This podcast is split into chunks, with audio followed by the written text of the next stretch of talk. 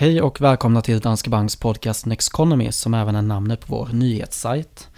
Idag kommer vi prata om räntedelen av portföljen, men innan det så kommer vi som vanligt ta upp veckans Aktuellt. Vad är det Maria? Det är börsen. Vi ska prata räntor sen, men låt oss börja med att titta lite på hur det ser ut på aktiemarknaden då.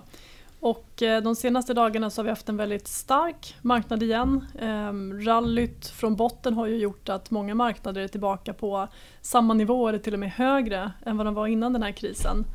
Men om man djupdyker lite i det där så ser det väldigt olika ut för olika sektorer. Så att det är främst defensiva bolag och sektorer då som gynnas av digitaliseringen, det vill säga den här strukturella trenden som har förstärkts av krisen som har gått väldigt, väldigt starkt. Eh, så att hälsovård, teknikbolag, onlinehandel med mera har utvecklats eh, väldigt, väldigt väl. Och tittar vi på IT då, och då pratar vi om den globala eh, IT-sektorn, så har den stigit med 29% sedan årsskiftet. Och sällanköp då, där vi har ganska mycket online, har stigit 19%. Spanar vi på bottenligan så har vi energi på minus 34%, bank och finans på minus 17%. Så att skillnaderna inom sektorer är väldigt, väldigt stor. Och vad sänder det här för signaler då? Eh, jo, att cykliskt går så svagt det signalerar ju någonstans att marknaden inte riktigt vågar köpa att konjunkturåterhämtningen är här för att stanna. Hade man trott på att det här verkligen var på väg att ta fart, det kommer vara mycket bättre när vi kommer in en bit i nästa år, ja då hade cykliskt förmodligen gått betydligt bättre av vad det har gjort. Så att det signalerar att det finns en, en osäkerhet kring konjunkturen som inte syns när man tittar på på aktieindex eh, brett. Men börjar man dyka ner i det så hittar man en del intressanta saker. Mm. Och det är ju intressant det där, för jag menar IT historiskt har man väl ändå sett som något cykliskt. Men i och med, och jag menar, coronakrisen visar ju på det och även nu då just att de här IT-jättarna, de eh, beter sig inte som cykliska bolag utan det är faktiskt tjänster som man fortsätter konsumera. Och som man, precis, man har fortsatt konsumera dem och dessutom ökat sin konsumtion redan vi som kanske hade en, en mer digital livsstil från början men också har det ju lockat nya grupper som inte har varit så mycket online tidigare. Så det har accelererat den trenden och en annan bidragande faktor det är ju att räntorna har sjunkit ännu mer så att de är på lägre nivå nu än de var innan krisen. Och det gör ju att när man då börjar leta efter eh, bolag och sektorer som kan ge avkastning då hittar man ju bland annat de snabbväxande IT-företagen. Mm. Tillväxten är högre där än i andra sektorer. Ja, så det gör ju att man kan motivera en, en, högre värdering på dem helt enkelt. Och det kan man också se på värderingen när man tittar. De har kommit mm. upp en del. Och också sällanköpsvaror är ju intressant för där har man ju ändå en del av de här en restaurangbransch och eh, mera hotell och sådär. Men sen så är det ändå en ganska stor del av det då som utgörs av till exempel Amazon. Ja, exakt. Eh, och det är ju precis det som är hela nyckeln. Vi har ju bolag där som Eh, verkligen lider i den här krisen men de utgör en, en mindre del. Mm. Så att sällanköp har ändå utvecklats starkt om man tittar på översta raden. Mm. Och de här stora digitala jättarna i USA nu de utgör ju över 20% av den amerikanska börsen, värdet på S&P 500. Så de är helt dominerande. Och mm. historiskt har det ofta varit så att det varit ett fåtal bolag som har just dominerat eller utgjort en stor del av marknadsvärdet i USA. Men det som är unikt nu det är att alla verkar inom samma eh, typ av område och gynnas av digitaliseringen. Så det är inte samma eh, diversifiering eller riskspridning bland dem kan man säga utan det är verkligen en, en liten klick bolag som verkar inom samma skrå. Mm. Jag såg precis att eh, Apple också, alltså största bolaget på S&P 500 numera är värderat 30% högre än nummer två då som är Amazon. Mm. Vilket också är en sån där jättestor eh, differens. Det har varit så några gånger tidigare men eh, det är ju ändå på rekordnivåer. Ja, det är det. Bra, då tänker jag att vi ska gå vidare till veckans fråga som idag handlar om Riksbanken. Finns det någon chans att Riksbanken går tillbaka till minusränta? Någon chans finns det säkert, men det ser faktiskt rätt tveksamt ut i dagsläget. Och anledningen är ju att Riksbanken i sin kommunikation har varit väldigt tydlig med att det inte är önskvärt att gå tillbaka ner under noll. Och det baserar man ju främst på att det hjälper inte upp efterfrågan. Det får inte oss att gå ut och köpa mer kläder, gå på restaurang när problemet är ett virus som in, vi måste följa restriktioner som gör att vi inte kan leva som vanligt. Eh, oro för att bli sjuka och så vidare. Och då spelar det ingen roll egentligen då om man har syranta på noll eller minus 0,25. Och sen finns det ju kanske en annan anledning då och det är ju eh, kronrallyt som vi sett de senaste månaderna och det började ju egentligen redan när börsen vände upp i mars. när man började tro på att liksom, ekonomin skulle få upp farten när man öppnade upp den igen. Och det kronrallyt fick ju extra skjuts i somras efter att Riksbanken då i julimötet gick ut och sa att man fortfarande inte eh, har någon plan på minusränta så då fick kronan ännu mer stöd. Och det som händer då när kronan blir stark är att det blir billigare för oss att importera varor från utlandet. Det sänker inflationen ytterligare. Och historiskt så har ju det fått Riksbanken att agera, att man har haft ganska mycket fokus på eh, inflation och kronstyrka. Men det har man verkligen tonat ner nu under den här krisen. Man, eh, man verkar inte bry sig särskilt mycket om det. Mm. Och man ligger ju kvar då med nollränta under hela räntebanan, alltså under hela prognosperioden. Ja. Så eh, de ser ju inte jättesugna ut på att göra någonting i dagsläget. Men sen så är vi ju beroende av vad som händer i resten av världen också. Ja, och man kan väl fortfarande säga att osäkerheten är förhållandevis hög om hur framtiden ser ut tillväxtmässigt, inflationsmässigt också. Så eh, det här kan ju säkert komma att ändras och prognosmakare eh, brukar ju ha fel men eh, just när det gäller Riksbankens reporänta så har det ju varit svårt att spå den på lång sikt och marknaden har ju ofta haft säga, felaktiga eh, förväntningar. Och Riksbanken också. Och Riksbanken också har haft felaktiga förväntningar så att, eh, den är svår. Men eh, Riksbankens prognos är oförändrad reporänta framöver och det är vår också. Vi bedömer att den kommer ligga kvar på noll under det närmaste året och förmodligen betydligt längre än så. Mm. Bra, då ska vi gå vidare till dagens ämne som ju är eh, räntedelen av portföljen. Och eh, jag tänker att vi kan börja det här med att bara prata om det faktum att vi har haft sjunkande räntor i eh, flera decennium, i 40 år i USA och i 30 år i Sverige. Vilket ju då gör att man ofta ställer sig frågan numera om det finns så mycket kvar att hämta i eh, räntedelen av portföljen. Ja, därför att eh, det som händer i, i obligationsmarknaden när räntan sjunker är att priset på obligationer stiger. Så att de här 30-40 åren av sjunkande räntor har ju inneburit väldigt god avkastning för räntefonder. Och den funktion de har fyllt i portföljen historiskt det är att de varit en krockkudde i portföljen. Så att om vi hamnat i ett läge där konjunkturen har vikt och börsen har fallit så har det också inneburit sjunkande räntor då för att förväntningarna på framtiden eh, tacklar av. Och det har gjort att obligationsfonderna ökat i värde när aktiemarknaden sjunkit. Så de har ju fyllt en väldigt som, tydlig stötdämpande funktion i portföljen. Och om man då tänker sig att räntorna har nått noll, eh, de har till och med varit under där men de kanske har varit nära den bottennivå som vi, vi någonsin kommer få se. Då kan man ju fundera på hur mycket mer avkastning har de att erbjuda och varför ska man ha dem i portföljen. Mm. Och det finns en, eh, en ganska intressant artikel som berör lite av det här ämnet och det är ju då Chris Cole heter han som jobbar på Artemis Capital. Men i alla fall, han, han skriver om det här just att genomsnittsförvaltaren eller genomsnittsfinansiella rådgivaren i USA är 52 år gammal idag. Vilket innebär att den personen då började sin karriär i början på 90-talet. Och i USA så utgår man ju ofta ifrån den här 60-40 portföljen, 60% aktier, 40% räntor.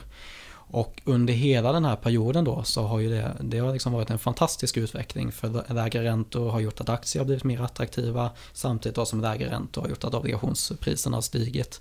Så jag menar då är man ganska färgad av den period som man har gått igenom då. Så han, han pratar ju om konceptet närtidsbias som jag brukar prata om också.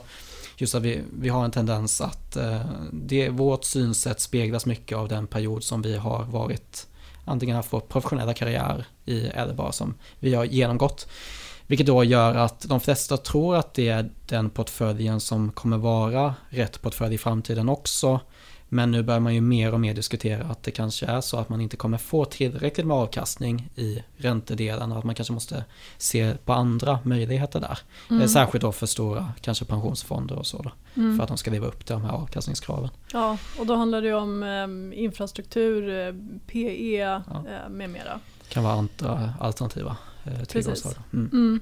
Och när man då tänker på det faktum att räntorna är på en så låg nivå och att de kanske har en, en rätt låg avkastning att erbjuda framöver så tror jag också att det betyder inte att man ska ersätta hela räntedelen av portföljen med alternativa tillgångslag. Men däremot så tror jag att man måste ändra sin inställning till vad man kan vänta sig av räntedelen. Den kanske inte kommer vara den här krockkudden som löser ut och faktiskt stiger i värde när börsen sjunker. Men däremot så är det fortfarande någonting som kommer bevara värde i ett läge där vi får en försämrad ekonomisk utsikt eh, och börsen kanske går ner.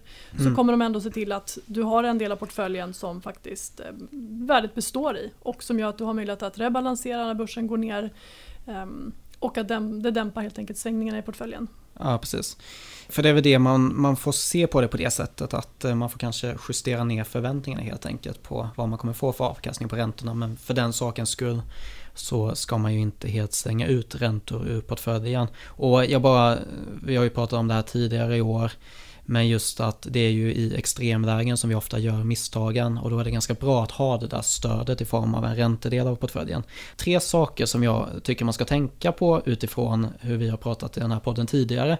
Eh, och eh, som man kan då referera tillbaka till coronakrisen som vi hade här i våras. Och det är ju då att, eh, men första, om man tvingas sälja för att kunna hantera utgifter när börsen rasade, ja men då behövde man ha mer räntor i portföljen. Och tvåan då, om man sålde av rädsla när börsen rasade, ja men då skulle man haft mer räntor i portföljen. Och nummer tre är ju att om man sålde för att man behövde pengarna i närtid, ja men då ska man haft mer räntor i portföljen. Mm. Det är egentligen bara att vända på samma koncept som vi har pratat om tidigare med tidshorisont och vad man har för utrymme i privatekonomin och där. Precis. Men det finns ju anledning att ha räntor i portföljen på grund av de anledningarna också, just att man inte ska behöva sälja i en börskrasch eller så. Ja, det gör det absolut. Och det är ju, eh, har vi också pratat om tidigare, men det är ju bra att fundera på det nu när man har den här krisen och minnet av hur det kändes när det föll eh, ganska nära i tiden så att man faktiskt eh, kanske kan fatta ett bättre beslut baserat på att man faktiskt har upplevt en sån situation. Mm. För situationen vi var i innan där vi kom från tio år av, av liksom ganska stark börsutveckling, visst några sättningar på vägen men ingen lika, lika allvarlig som den i våras. Då, då är det svårt att veta um, hur det faktiskt känns när portföljen faller i värde. Mm. Jag tänker att vi ska gå in lite på de olika typerna av räntefonder. Men vi kan bara gå igenom lite kort eh, skillnaden på korta och långa räntor och vad som driver dem. Ja, om vi börjar med korta då så styrs ju de huvudsakligen av centralbankens styrränta. Sen så kan de ju förstås variera lite grann eh, utifrån marknadsläget men de, de håller sig hyfsat nära den. Eh, och de förändras framförallt när centralbanken höjer eller sänker styrräntan. Då. Och kollar vi på långa räntor så handlar det ju mycket mer om förväntningar om framtida tillväxt och eh, framtida inflationsförväntningar. Så att eh, stiger förväntningarna på tillväxten, att vi har en starkare tro på konjunkturen, gör det också att vi får ökade inflationsförväntningar och då stiger långa räntor. Mm. Sen har vi ju sett ganska mycket här nu, särskilt under 2000-talet, att de långa räntorna har sjunkit jämfört med de korta räntorna. Eh, för egentligen ska det ju vara en positivt lutande kurva att på kortare löptid, ja men då skulle du få en, en lägre ränta och sen så ökar den här kurvan med längre löptid. Men så har det ju inte alltid sett ut då. Nej. Och eh, stödköp är ju en, en viktig del i det. Ja, precis, stödköp är en viktig del. Eh, och sen så handlar det ju också om att man har haft svårt att få både tillväxten och inflationsförväntningarna att lyfta den här gången. Inflationen har bitit sig fast på en, en låg nivå ända sedan finanskrisen. Och eh, det har ju också hjälpt till att pressa ner räntorna och då förstås också tillsammans med stora stödköp. Mm. Eh, från centralbankerna? Från centralbankerna, ja. precis. Bra, och en sak som man kan, eh, som kan vara bra att ha koll på är ju det här med riskerna i räntefonder också. Och det är någonting som vi fick uppleva nu i våras med, tillbaka till coronakrisen då. Men eh, dels så kan man ju säga att när man pratar om till exempel korta räntefonder så är det ju inte säkert att alla ser likadana ut. Eh, med tanke på att vi har så pass låga räntor som vi har varit inne på med, med Riksbanken och så. Så jag menar sättet för en korträntefond att få lite avkastning är ofta att man investerar en del av det i bostadsobligationer eller företagsobligationer. Mm. Och jag menar, där kan ju skilja mellan olika räntefonder och det ger ju såklart mer risk också. Faktum är att det är ganska få korträntefonder idag som enbart består av statsskuldsväxlar mm. som de historiskt har gjort. Precis. Så det kan vara bra att titta lite grann i eh, fondfaktabladet och se hur fonden faktiskt ser ut. För det, det ja, man får en extra risk där, vilket ju då är kreditrisken. Eh, så jag menar, då har vi ju dels har vi då en ränterisk som innebär ja, med risken för att räntan justeras helt enkelt. Om det är så att räntan stiger, ja, men då förlorar du på dina obligationer. Och sen ovanpå det då, om du har företagsobligationer, då har du en kreditrisk också. Vad är risken för att det här företaget ska ställa in sina betalningar? Sen är ju eh, ränterisken, det vill säga risken för att obligationer faller i värde till följd av stigande räntor, den är ju lägre i korta räntefonder. Mm. Så att om man tittar på den genomsnittliga löptiden på de Precis. obligationer som ligger i fonden eh, så är det ju så att om löptiden är kort, under ett år, då kommer inte fonden vara så räntekänslig så då är ränterisken ganska låg. Och skulle vi hamna i ett läge där räntorna stiger då kommer också fonden kunna börja ge en högre ränta. Precis, och på så sätt är det ju ett inflationsskydd också att ha korta räntepapper. Exakt. Eh, och det där kallas ju duration då, hur lång löptiden. Ja, det är durationen. Och tittar man i då en obligationsfond så har man ju längre duration och det handlar ju ofta om 3, 4, 5, 6 år. Eh, och då blir ju räntekänsligheten betydligt större för att har du en, en eh, genomsnittlig duration på 4-5 år i din obligationsportfölj och räntorna stiger då kan det ge ganska kraftigt utslag på värdeutvecklingen för den fonden. Så att i ett läge där räntorna då börjar klättra uppåt så kommer det initialt vara dåligt för obligationsfonden. Men på lite sikt då så kommer det ändå göra att när räntorna stabiliserar sig på en ny högre nivå så kommer obligationen också kunna börja ge en, en högre löpande avkastning. Mm. Men äh, som, äh, som vi var inne på där då, så korta räntor, ja men det kan man ha i portföljen för om det är så att inflationen skulle stiga, då har du lite skydd i det för då kommer den där räntefonden hänga med när Riksbanken börjar äh, höja räntan också. och sen då långa räntor, ja men det är mer ett skydd mot recession och börskriser och kanske deflation då. och sen så har vi då också företagsobligationer och då har vi både investment grade och high yield. Investment grade då har man ju en något högre räntekupong då eh, än vad man har i långa räntor men till en förhållandevis låg risk fortfarande. Mm. Eh, och sen har man ju high yield också. Precis, som ju är företagsobligationer med, med lägre kreditvärdighet och det som händer när ett företag med låg kreditvärdighet behöver låna pengar är att de får betala en högre ränta. Så att high yield eh, Eh, obligationer och fonder kan ju ge en högre löpande kupong men å andra sidan så har man ju en högre kreditrisk därför att det är högre risk att ett företag med svag kreditvärdighet faktiskt kan gå omkull. Man har en högre likviditetsrisk därför att får vi en kris som under corona till exempel så blir likviditeten, alltså omsättningen i pappret kan i princip upphöra, ingen vill köpa dem där. Och den är ju värre när man så att säga, kommer längre ut på riskskalan då. Mm. Eh, däremot ska man faktiskt säga att ränterisken är lägre i high yield för att det är ofta kortare löptid ja. på de obligationerna. Så att ränterisken är högre i obligationsfonder och investment mm. grade mm. än i high yield.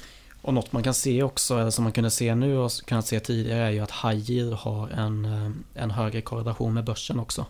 Så den här diversifieringseffekten som man är ute efter, ja det det bygger på är ju att du vill ha olika tillgångsslag som egentligen tar ut varandras rörelser. Så jag menar, om du har ett tillgångsslag som rör sig på ett visst sätt och vill kunna addera ett annat tillgångsslag som rör sig på ett annat sätt. Och portföljen som helhet kommer då ha en bättre riskjusterad avkastning. Mm.